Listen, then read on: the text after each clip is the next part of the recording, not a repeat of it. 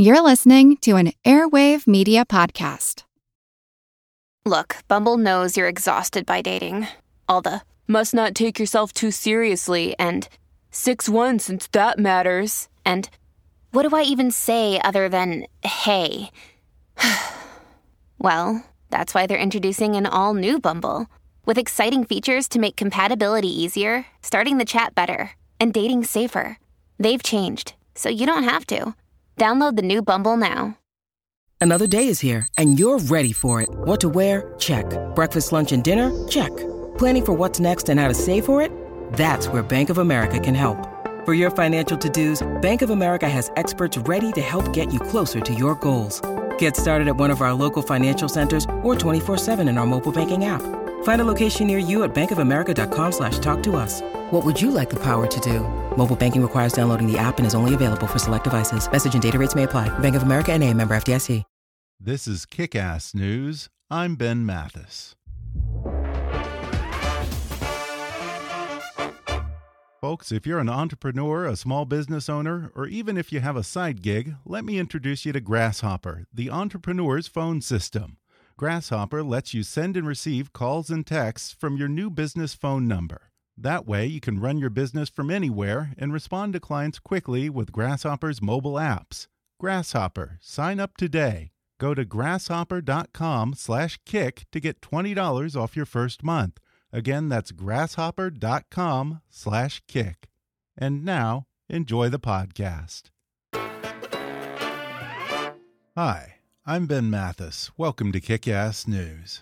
When Joseph Stalin, the man who ruled the Soviet Union with an iron fist for 33 years, had a stroke on March 2, 1953, there began a fierce fight for succession among his subordinates.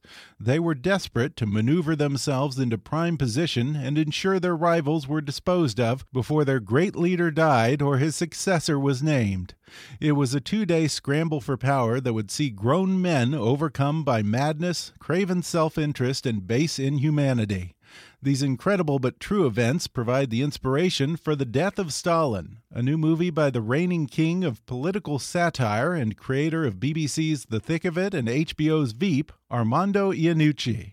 Today I'll talk with Armando about mining one of Russia's darkest chapters for comedy, some of the absurd but true stories that make it into the death of Stalin, and how fighting ruthless authoritarians is sort of a family tradition for him. He discusses the unintended but perhaps valid comparisons audiences will inevitably draw with Donald Trump, why Russian officials think his movie is part of a Western plot to destabilize that country, and why the creator of Veep is finally ready to give politics a rest for a while. Then, following the break, I'll be joined by Steve Buscemi, who plays Nikita Khrushchev in the film, and Andrea Riseborough, who plays Svetlana Stalina.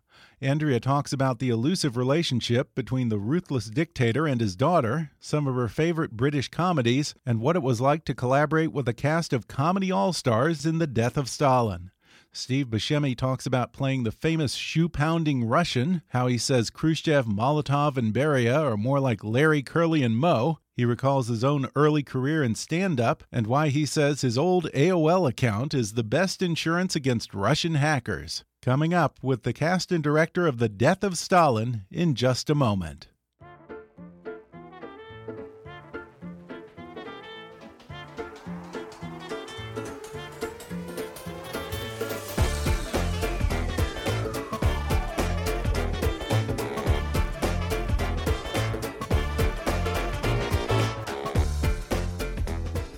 The creator of the hit television series The Thick of It and HBO's Veep, Armando Iannucci has mined the White House and Downing Street for comedy, and now he's turned his sights on the Kremlin, writing, directing, and producing a film that's been the darling of the festival circuit. It's called The Death of Stalin. Armando, thanks for sitting down with me. Pleasure. Pleasure.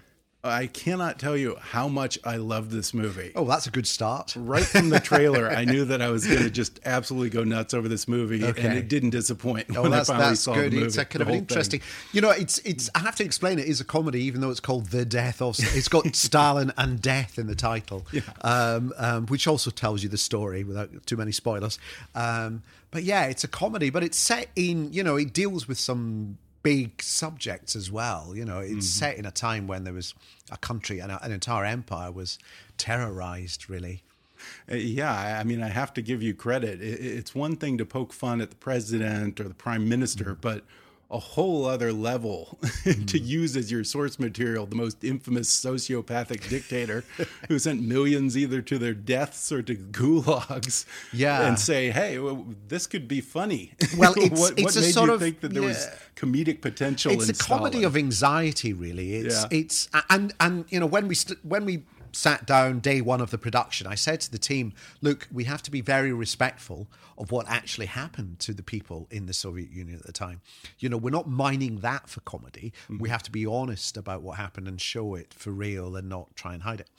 The comedy is more the behavior of the politicians, the the the inner circle in the Kremlin. Uh, and the comedy there is a comedy of of fear. It's it's everyone is in fear for their lives. Mm. And when you're you know, when you think, I may not get through the day alive, you start to behave differently. And and it's that, it's that kind of behavior that the, the film is is trying to portray, really. Yeah, and you do a great job from the very start of the movie of creating that mood of fear and paranoia that permeated Stalin's Russia, the secret police pulling people out of their beds at midnight, yeah. children ratting out their parents, executions. It must have been a bit of a tightrope walk to satirize the dysfunction of Soviet mm. Russia without being accused of minimizing the horrors of the Stalin Absolutely. Era. And, you know, Russians who have seen the film, and that's Russian journalists as well as just, you know, R Russian citizens, have said to me two things. They've said it's funny and it's true. And in fact, one probably because of the other. And what we did was um, we we spent a lot of time trying to get it right. You know, we I went to Moscow. I looked around the Kremlin, Stalin's dacha, Stalin's bunker, which I never knew existed. Um, uh, the apartments that the, the kind of the high party officials lived in, get the look right, but actually talk to people who grew up under Stalin and said, what was it like? You know, someone told me, yeah, you went to bed at night wearing lots of layers of clothes so that if you were dragged out of your room in the middle of the night and sent to the gulag, you had lots of clothing with you because you were wearing it you know, and we put that in the film, and and and just get the details wow. absolutely right, and find historical bits of information that we then base scenes on, because I think in the end the comedy arises out of the, it's the more true it is, hmm. strangely, mm. the funnier and more terrifying it is at the same time. When you went to Russia to do your research, at any point did you think to yourself, "This is probably the last time I'll ever be coming to Moscow"? No, I mean it's. Uh, uh, no, I mean it may well be because they've now banned the film, but um, uh, no, everyone was very accommodating, and you know we were monitored, we were observed, we were followed, mm-hmm. but you know no one was trying to pretend otherwise. But at the same time, they knew what we were doing, and they knew what we were researching. Um, so no, and I think it's sad that you know two days before the release of the film in Russia, that someone within the Ministry of Culture decided to remove the license and, and mm. not show because you know, in this day and age, ba- banning doesn't work. You know, people right. will see the film, so so I don't quite know what they were, you know, expecting to achieve really by by by banning it from the cinemas. Uh, yeah, I read that the Minister of Culture apparently alleged that your movie was part of quote a Western plot to destabilize Russia by causing rifts in society. Yes, and we know how right? adamant Putin is that nobody from a foreign power interferes in the elections of another yes, party. So you know, clearly that's crossing a line. Um, well, no, and and one cinema in Moscow did decide to defy the ban and and, oh, really? and screen it for three days, what and the audiences. well, then the police turned up, but the audiences stood and applauded at the end of each screening because they said it's not. Um, making fun of the people. It's making fun mm. of the mm. politicians. Yeah. but it's not making fun of the people and um, and there was a thing in there was an article in the Moscow Times last week that said that sixty percent of Russians now want to see the film because oh, wow. they've heard it's been banned. You know, and and that's what happens. You know, that's what happens. You know, you you you you you spread the. You, you make more people aware of it by by trying mm -hmm. to hide it. Uh, how much of this do you think might have to do with the fact that Vladimir Putin's about to stand for re-election. Well, exactly, year. yes, and I suspect, and the election is pr- pretty soon. I suspect once the election's out the way, we may well quietly get allowed back into the cinemas. Yeah, um, yes, I think I think that is pretty much on on the agenda. Yeah. Yeah, I mean, it is wildly ironic that you have these Russian officials accusing you of trying to create societal rifts yes. and destabilize Russia at the same time. And it's the language used by investigation. I, I, know, but it's also the language used by people in the movie. You know, in yeah. the film, Molotov is goes on about talking about the party and the people and mm -hmm. and how we must crush the opponents of the people. You know, and and and and this whole vocabulary that's being used now is so I was called someone in the Ministry of Culture called me a word that I'd never come across before, which was a pasquinade. I've never I know, that. I know. I had to look it what up. Does that mean? A pasquinade is someone from um, uh, someone a little bit posh who goes around deriding other people. a pasquinade. and it sounds like the sort of person who existed only in 18th century English novels. Yeah.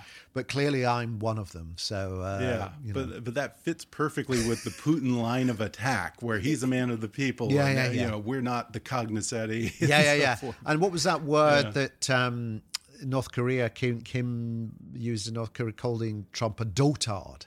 It's those words that no one's come across before, and suddenly yeah. they become currency. Yeah. Only only um, uh, autocrats use them. Yeah, I mean, between you and me, are you trying to destabilize Russia? Do you well, work for MI6? I, I mean, confession. Yes, I have to confess that the film was partly funded by the CIA and. Um, who gave us some quite good notes on yeah, some of the comedy. Sure. Um, no, uh, it's not. It, as I said, you know, we, we started off saying, look, this story is true. It's mm-hmm. it's funny. It's appalling. It's uh, absurd, farcical, but terrifying. Mm-hmm. But it's true, and therefore, you know, we're not out to laugh at the misfortune of an entire country and its people. That's not what this film is about. This film is about what happens when a tyrant or an ideology goes out of control mm-hmm. and, and curtails freedom to move or to think and, and the absurdity that creates. Yeah, I mean, the timing of this couldn't be more mm. perfect. You know, with the rise of autocrats like Erdogan in mm. Turkey, Putin, of course, Trump saying that he wants to throw a May Day style military parade. Yes. And, and also jokingly saying the idea oh, of, right. of, being president for life might not be, you know. Yeah. And and it may be a joke now, but, you know, the, the the technique these people have is just to say it again and again mm-hmm. and again until you get bored of them saying it right. and then you stop hearing yeah. it because yeah. because you're just not registering anymore. You know, he was the one who disputed the number of people that was at his inauguration. he was the one who disputed whether he lost the popular vote and who set up his own electoral commission to look into voter fraud because he was convinced that the number of people that the, the the the voted for Hillary Clinton that more than than he did were all you know illegal. Yeah, and then had to quietly disband that electoral commission right. when they came up with no evidence whatsoever. yeah, there was no press release on that. No, there was none. you know, you know that wasn't fake yeah. news. That was just non-news. The way they managed that.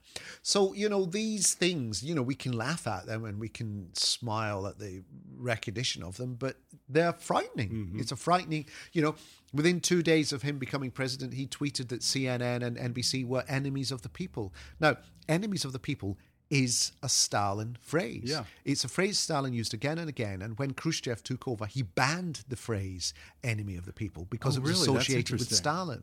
Wow. Yeah.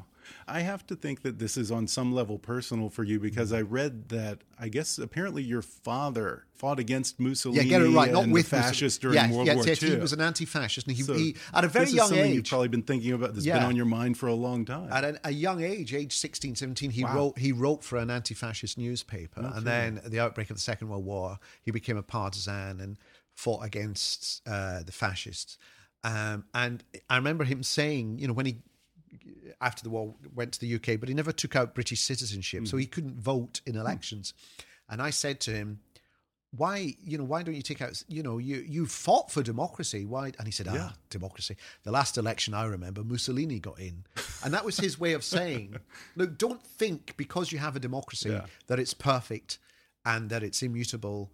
You know, it's not. It's it, democracy is all about. It can change. Mm-hmm.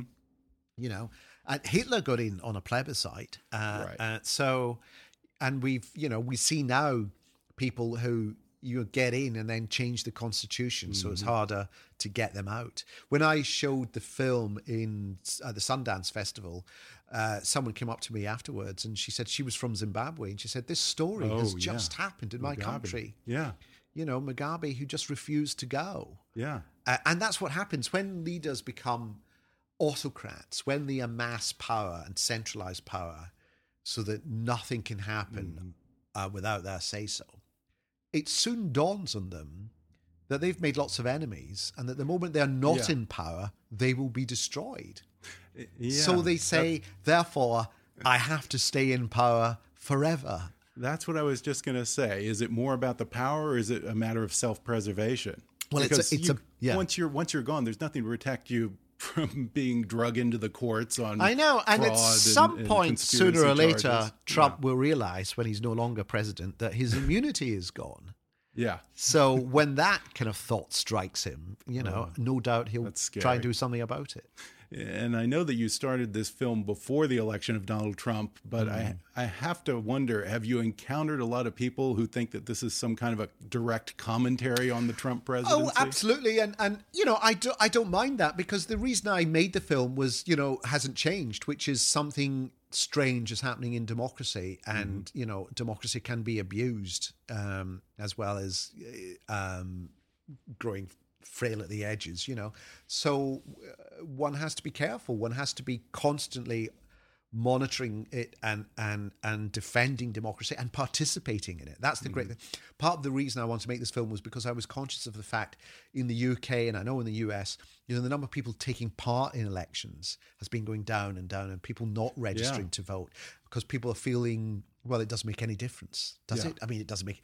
And in the last, you know, two years, people have now woken up after elections, going, "Oh, I see, it does make a difference." Yeah. you know so that's hopefully that will galvanize people to to, to participate in bigger numbers again um, but yes no I, i'm quite happy for people to see parallels between what's in the film and, and, and what's happening now Well, yeah. I mean, it's not hard to imagine substituting Steve Bannon, Jared Kushner, Anthony Scaramucci for Molotov Yeah, and yeah. Khrushchev, And- and there are- kind of there are gang of criminals. there's dialogue in the film you know Beria talks about oh no no that's a that's a what's that false narrative which is the same as fake news isn't Yeah, it you know yeah. and people talk about uh, we're in a new reality now which is the same as like alternative facts you know it's Yeah. it's it's people being told to unthink what they've just thought and think something completely different now and Yeah. believe it as vehemently as they believed whatever it was that they no longer can think God, the similarities are just. I mean, there's a big It's committee hard meeting. to even take yeah, there's in. a committee meeting in the film in which they're all trying to second guess Stalin, and Yeah. and every vote has to be unanimous. And if you're the one hand that isn't unanimous, you might be taken out and shot. But no one quite knows what whether to go yes or no. So they're all looking at each other before the vote. And it just reminded me of. That first cabinet meeting Trump had, Oh, the yes. cameras, he, he he kind of made every cabinet member say down. how good he was, you know, for the cameras, and it was it was horrible to watch because I knew there was a f- scene in the film just like this that no one, obviously, the public hadn't seen yet, and I was just thinking, oh my god, it's happening, it's happening. Yeah, so much of the comedy in this movie comes from the backbiting and ineptness and confusion of these men in Stalin's inner circle following his death. Mm. Listeners probably know Stalin and maybe mm. Khrushchev, but briefly reintroduce us to the extended rogues gallery that was right. around Well, the, the chief time. villain, as it were, is Beria, Lavrenti Beria, who was head of the security forces, the kind of head of the NKVD, which was the, but then became the KGB. Mm-hmm. Right. And he was Stalin's number two henchman, drew up all the lists of people to be shot, to be taken to prison, did a lot of torturing himself, did it for about 20 years. But the moment Stalin died, amazingly overnight turned into the reformer, wanted to release prisoners, wanted to kind of open things up. I think because he knew that was the only way he would survive if he became Yeah. the kind of Mr. Popular. Yeah. Um, and, and we don't have in the West this idea of who Beria is. So he's played by Simon Russell Beale, who is famous in, in in in the UK as a stage actor, but hasn't done many movies. Because I like that idea of someone completely new for the role. And then you've got Michael Palin playing um, Molotov, who was the Russian sort of foreign minister, the sort of secretary Yeah. of state. um, who's such a dogmatic, you know, he will rigidly adhere to the party line, irrespective of what the party line is. So, you know, if one day they said, black is black, he would agree black is black. But if the next day they said black is white, he would agree black is white. You know, whatever it is that Stalin says, he will Yeah. believe in. Well, isn't he on a list to be to be executed? He's on a and list, he, and yeah. he doesn't take issue with the list because he's that. He instantly thinks, initially. "Oh my God, I must have done something terrible to Stalin to be on that list." But also, he quite happily had his wife taken away because she was on a list. So she, he thinks, "Oh, she must have done something terrible." That is genius level brainwashing. I know right it's there. a kind of, and Molotov has this big speech in the middle of the film where you could see this kind of chaotic logic swirling around in his brain, not quite knowing which way to, how to make sense of the world. Well, I was amazed to read that so many of these completely absurd moments in the film were actually based on, as you mentioned a moment ago, things that really happened in the aftermath of Stalin's death. What was the craziest one for you that was actually Oh, true? Yeah, the crazy is um well when they actually turned up and saw him. I mean, Stalin so terrified his guards and said that he must never be interrupted that when the guards heard him fall over with a stroke, they were too scared to knock on the door and see if he was all right. So he was left lying there all through the night and into the next day.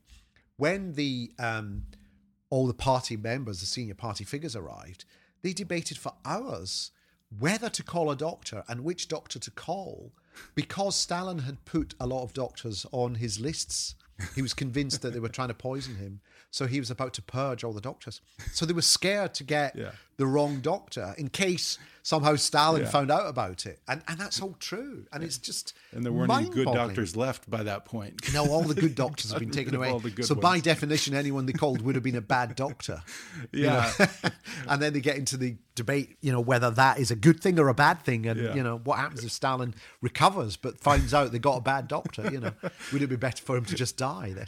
Yeah, I mean, there is a bit of poetic justice there. Yes. Stalin's the victim of the things that he instituted. That's right. He it was his reign of terror that in the end killed him. Yeah. because people were too terrified to do anything about it.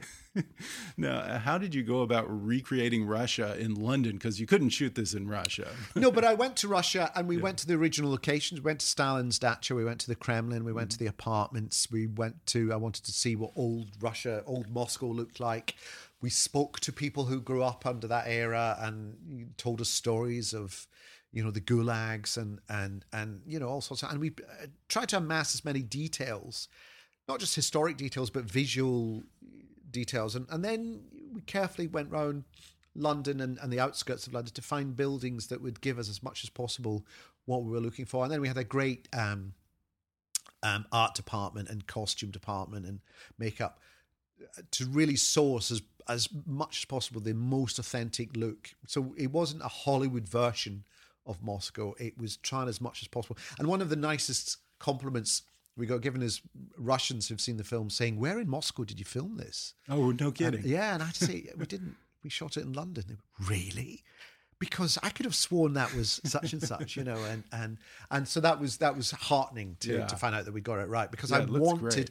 it's what I was saying earlier. I want to get the detail right because that's how we can tell this story and make it funny and yet terrifying Mm-hmm. at the same time. Because both aspects are based on on the truth of what happened. So now that you've gone from Downing Street to the White House Yes. to this dictator who murdered more people than Hitler, where can you go from there? Do you feel that you've exhausted politics for a I little while? I think I'm now? giving politics a, a bit of a skip. I mean, it's Yeah. uh, and the present day as well. Present day is any attempt to fictionalize what's happening just now is just doomed to failure. I think so. I'm doing. I mean, two things. I'm going even further back in time for my next film, which is Charles Dickens' David Copperfield, which is set in 1840. And I'm also doing a new show for HBO that's set in the future, set in about 30 or 40 years' time, in Really? the world of space tourism. Oh, So, interesting. yes. Oh, so that's I seem to be kind of vacating the present for, uh, temporarily. Uh, is there a Richard Branson or an Elon Musk character in the Well, fold looking at that kind of, um, I mean, interesting. I visited both of those places. I, Virg- Oh, yeah? I visited Vir- Virgin Galactic and and and and, and SpaceX, and uh, and really fascinating to see. I mean, I'm I'm a bit of a space nut anyway. I love Yeah. sci-fi and I love uh, real, you know, all the Apollo missions and and the you know satellites, and I follow all them. I went to the Jet Propulsion Laboratory, and it was great being in mission control and just wanting watching Yeah. the te- tele- telemetry from the Voyager One still coming in, and so so I'm a bit of a. It's a but, fun toy to play with. Uh, but I want to kind of. It's not a satire on them. Mm-hmm. It's more just trying to speculate where we might be Yeah. in 40 years' time. Just really to come up with a new. It's a kind of character driven uh, project. Really, it's just people just just trying to get on with each other because they have to you know put up with each other for a extended period of time. Yeah. Well, before we go, with the rise of authoritarianism all around the world, what do you want people to take away from this movie? Um, I, I mean, I want them to uh, enjoy it. I want them to find it funny. I want them to uh, hopefully feel a little bit anxious as they watch it, and I want them to feel this is relevant. That actually don't think, oh, those days are behind us now. Be aware that you know d- this can happen, and so one has to always be on the lookout for it and and do something about it before it happens. Are you afraid for your life? Uh, not for my life, no, No? no, no, no. Rice Why and would you say that? poisoning or something like that? Okay. No, no, no. I think they've got bigger fish to poison. Um, Okay. You're a braver man than I am. All right. Armando Iannucci, thanks so much for talking with me. pleasure. Thank you. We're going to take a quick break, and then when we return, I'll talk with two of the stars of The Death of Stalin, Andrea Riseborough and Steve Buscemi, when we come back in just a minute.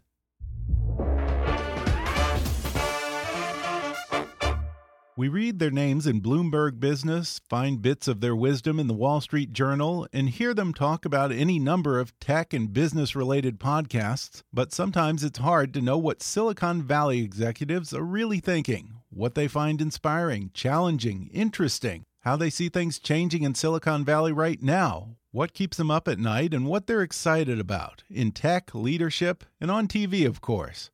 In the VMware Executive Perspectives podcast series, you'll hear from people like CIO Bask Iyer discuss everything from fostering disruption within an organization to his reverence for Les Paul, inventor of the electric guitar. Wonder what gets a VMware VP out of bed each morning? Or what shows our tech leaders can't stop watching?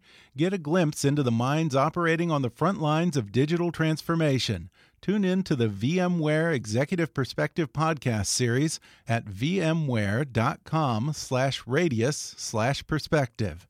That's vmware.com slash radius slash perspective. Looking to move to the cloud? Don't know where to begin? Check out the Google Cloud Platform weekly podcast where Google developer advocates Melanie Warrick and Mark Mandel answer questions, get in the weeds, and talk to GCP teams, customers, and partners about best practices. From security to machine learning and more, hear from technologists all across Google about trends and cool things happening with our technology. Click to learn more and subscribe to the podcast at g.co slash GCP podcast. Again, that's g.co slash GCP podcast. Hulu's newest original series, The Looming Tower, is based on the Pulitzer Prize winning book by Lawrence Wright.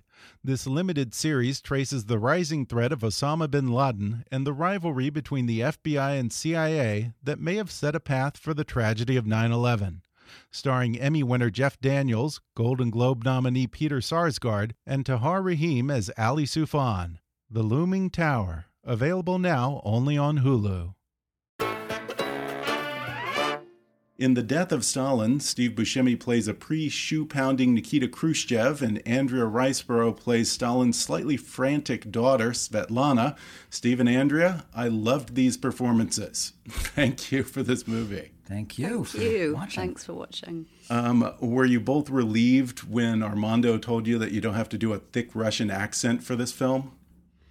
That was actually written in the script. Oh, it was? Yeah, like um, there was like kind of like an introduction, you know, uh, before you got to the screenplay, like a note saying that the actors would not be asked to do a Russian accent, and um, uh, and that was a great relief. Yeah, because I, I don't know that I could have done the film if I was, you know, also required to do an accent.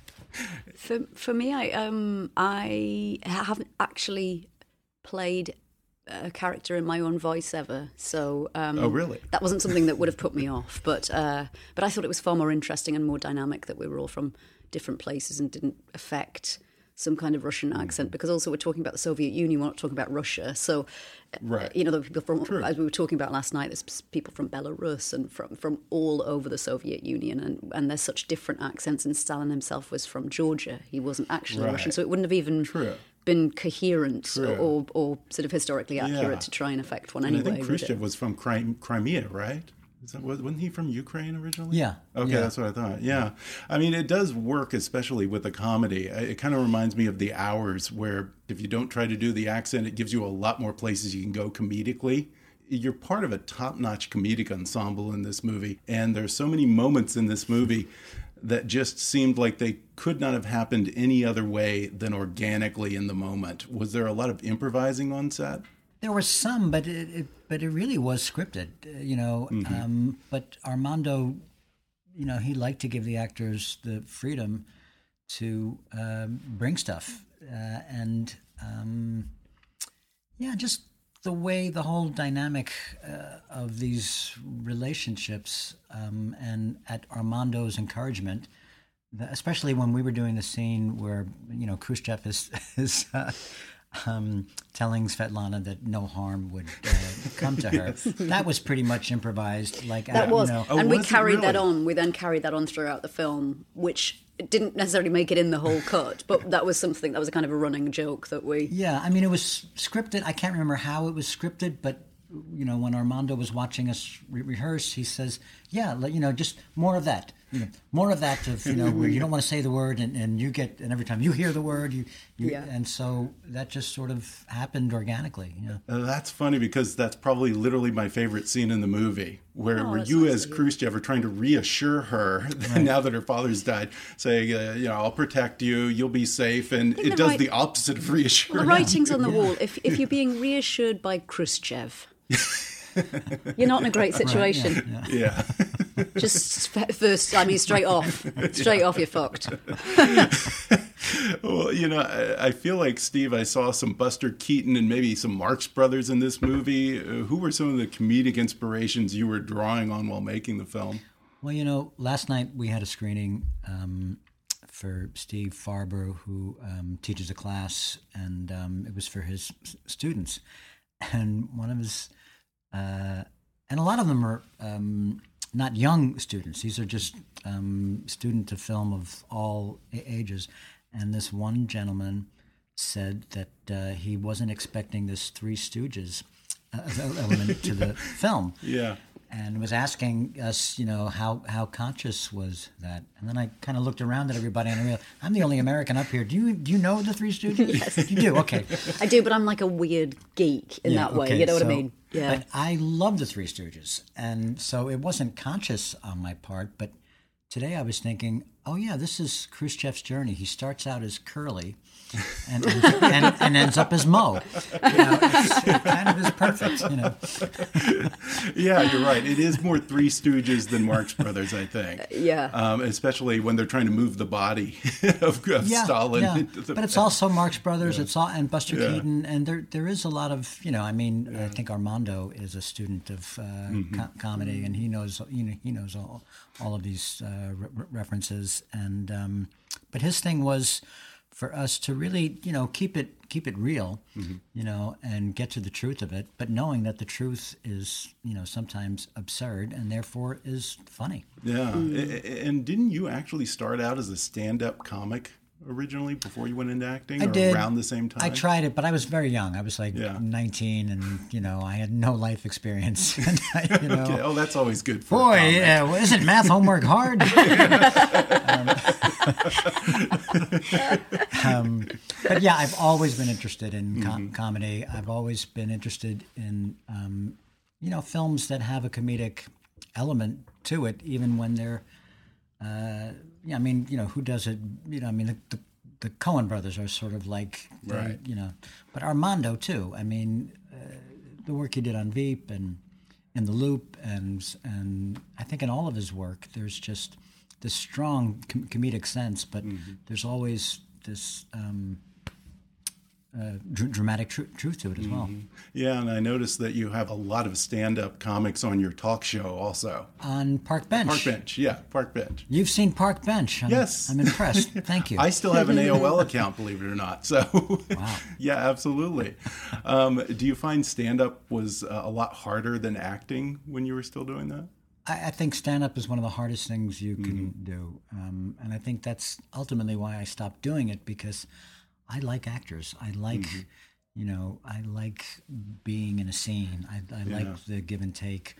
Um, Yeah, you can't play off a room full of strangers very easily. Uh, Well, some There's no comics can. I mean, there, some yeah. comedians. I Yeah. Mm-hmm. mean, that's their forte. Like they, they you know. But I, I just could never find my my voice. Mm-hmm. You know, through being a being a stand up, but through acting and through working with wonderful other actors. That's so much more uh, creatively satisfying. And Andrea, the film definitely has a certain British, dry, slightly dark wit to it.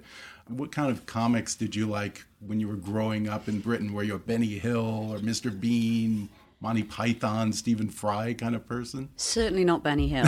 I mean, I think we can. I mean, I guess that predates you, doesn't it? God love him, but I think we can scratch him off the list. Um, Benny Hill would not fit in very well in this environment today. Probably. oh, you think not? You think you've noticed that, have you? That's, I'm glad you've noticed. Um, yes, no, deeply inappropriate. Uh, but I think uh, Ronnie Barker was a huge influence on me when I was a kid, uh, and. Um, you know that, that whole school, David Jason and the, the Pythons, and of course we have a Python in this film, which is Right. we have a live one. Live It's actually on the set.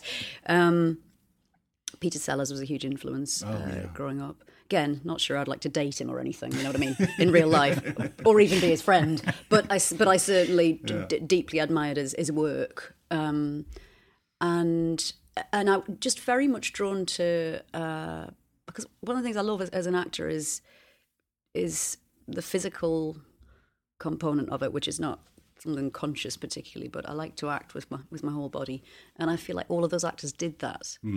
Um, and so I was always very drawn to that. I saw it less, sadly, I saw it less with women. I think women were given less opportunities then to be anything other than hypersexualized. They didn't want to give women opportunities for physical comedy, I guess. God forbid. that was, I mean, yeah, that was not ladylike, I guess. we I might know, except for take out our Lucy. tampons and start a rally.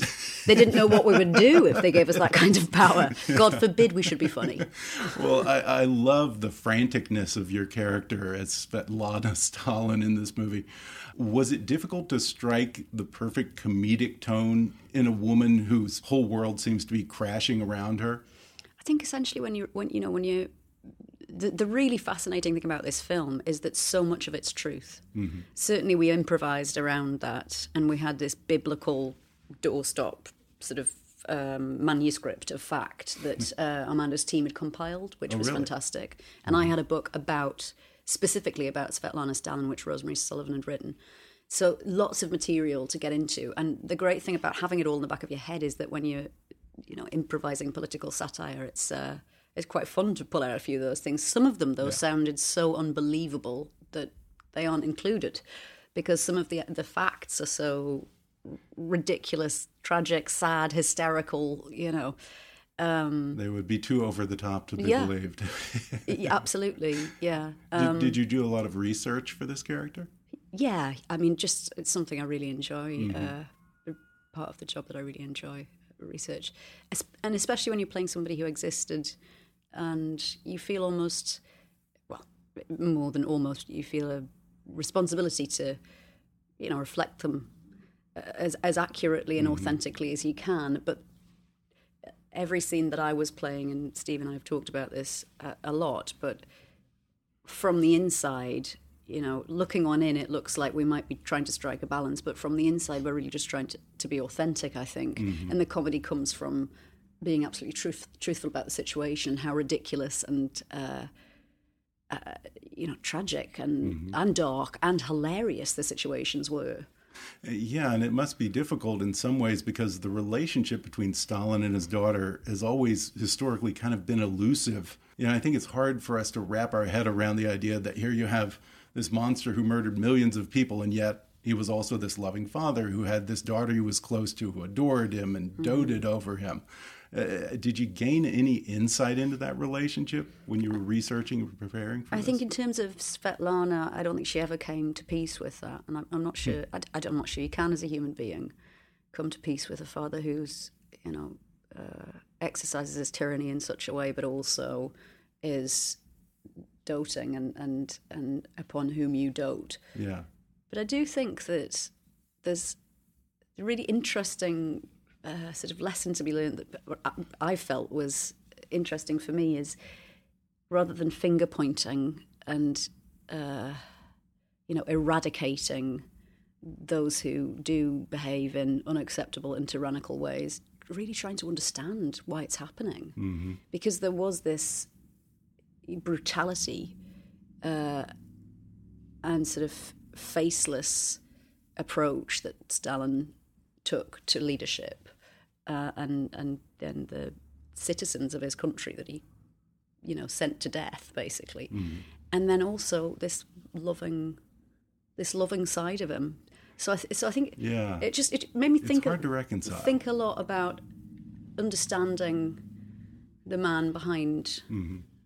you know, the figurehead behind the the regime you know, I always think of that sort of thing when I think of Hitler. Apparently, Hitler loved dogs, and it's just weird to think the most evil man in the world really loves dogs to the point that he had all this weirdly pro animal rights, progressive legislation in Nazi Germany, and yet he's a monster.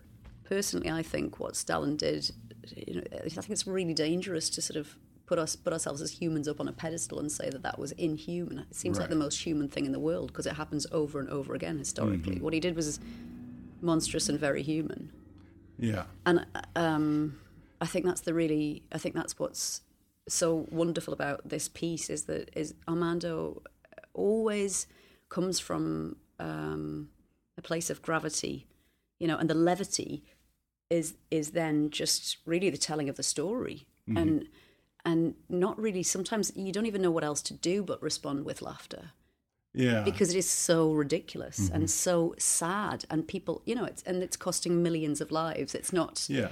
It's not light subject matter in any way. Yeah, I mean, it's as much a part of humanity as anything. I mean, it's interesting how people want to dismiss a Hitler or a Stalin as a madman rather than acknowledge that people can really be that evil. Perfectly rational people can be perfectly evil. And, and no one is can accomplish those things on their own. There's mm-hmm. people that have True. to, mm-hmm. a True. lot of people that have to. It takes a lot of com- complicity. Yeah. Complicit, yes, um, and that's the thing. You yeah. know, it's how far can this go before you know somebody says stop. Yeah. Um, and it can go pretty far. Yeah, I have a feeling that I somewhere I read that Svetlana actually ended up in Wisconsin. Do you know she if that's did, true? Yeah. Yeah, she really? did. Yeah, she. she that she, is bizarre to imagine. It's sad. She sort of had a, a lonely end to her mm. life, uh, and and she really, I think, tried to separate herself from a from a surname. Uh, mm. You know, tried to for, forge her own life, but really never quite could. And Steve, I have to wonder what you thought when you got this script because, you know, when most Americans think of Khrushchev, they're thinking Khrushchev in the 60s, heavy set, bald, yeah. banging a shoe on a podium. When your agent said that someone wanted to offer you the role of Khrushchev, did you think it was an accident at first or something? Well, it was. I mean, first of all, I knew that it came from Armando, mm-hmm. so that was so that was interesting. And I thought, all right, if he thinks I can do it, then because uh, I didn't think I could. I mean, I was. Um, yeah, because he's such a an iconic figure in the Cold War, and and uh, if any if Americans do remember him, it's from you know it's from the '60s, not mm-hmm. not from the '50s, uh, and that's you know so Armando talked to me about that and said you know you, you know this is uh, Khrushchev of 1953. Don't think of him as this iconic guy, and don't worry about the physical thing. I mean we'll approximate it and um, but i'm not going to have you in makeup for mm-hmm. you know three hours a day because we don't have the time and uh, we can't afford it yeah.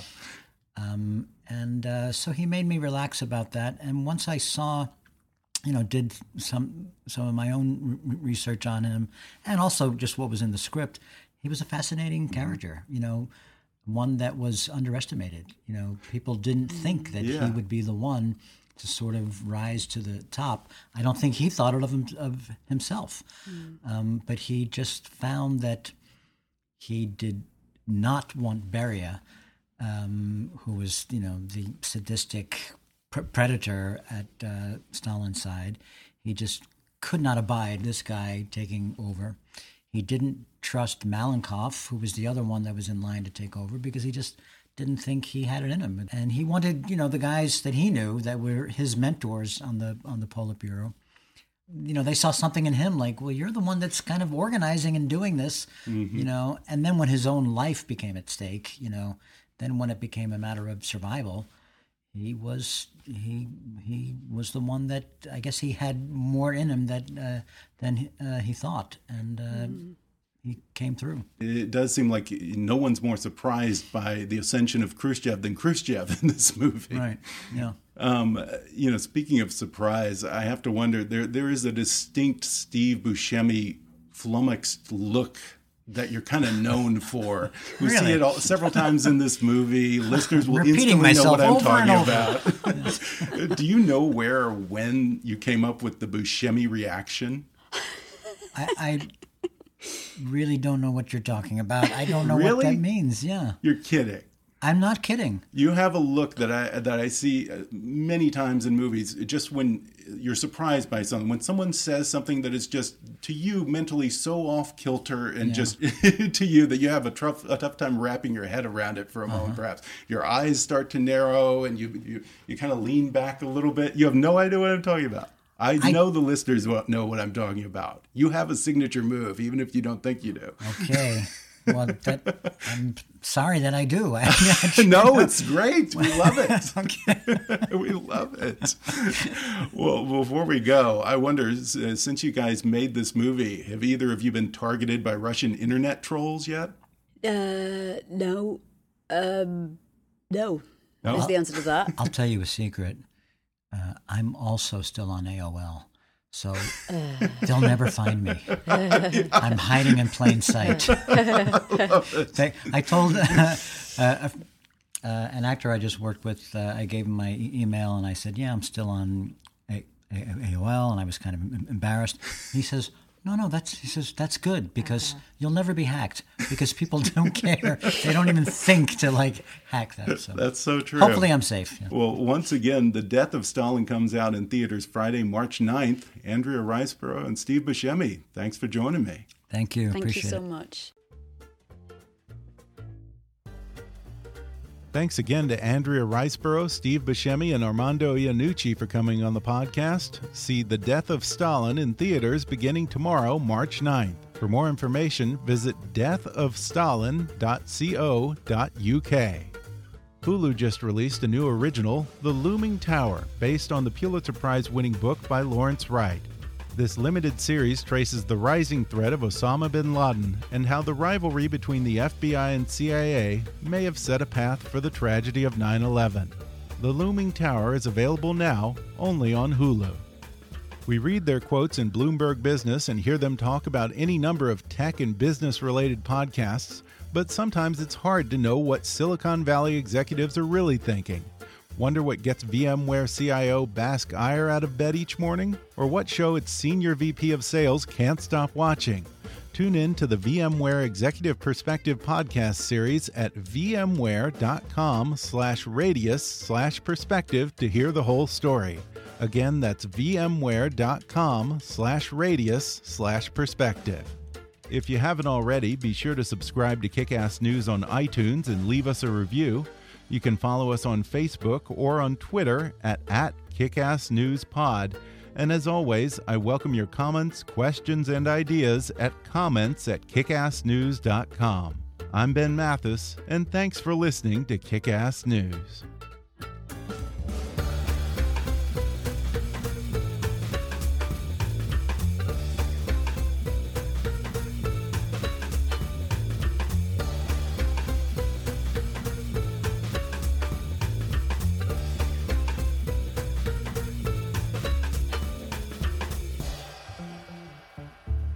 Kickass News is a trademark of Mathis Entertainment, Inc.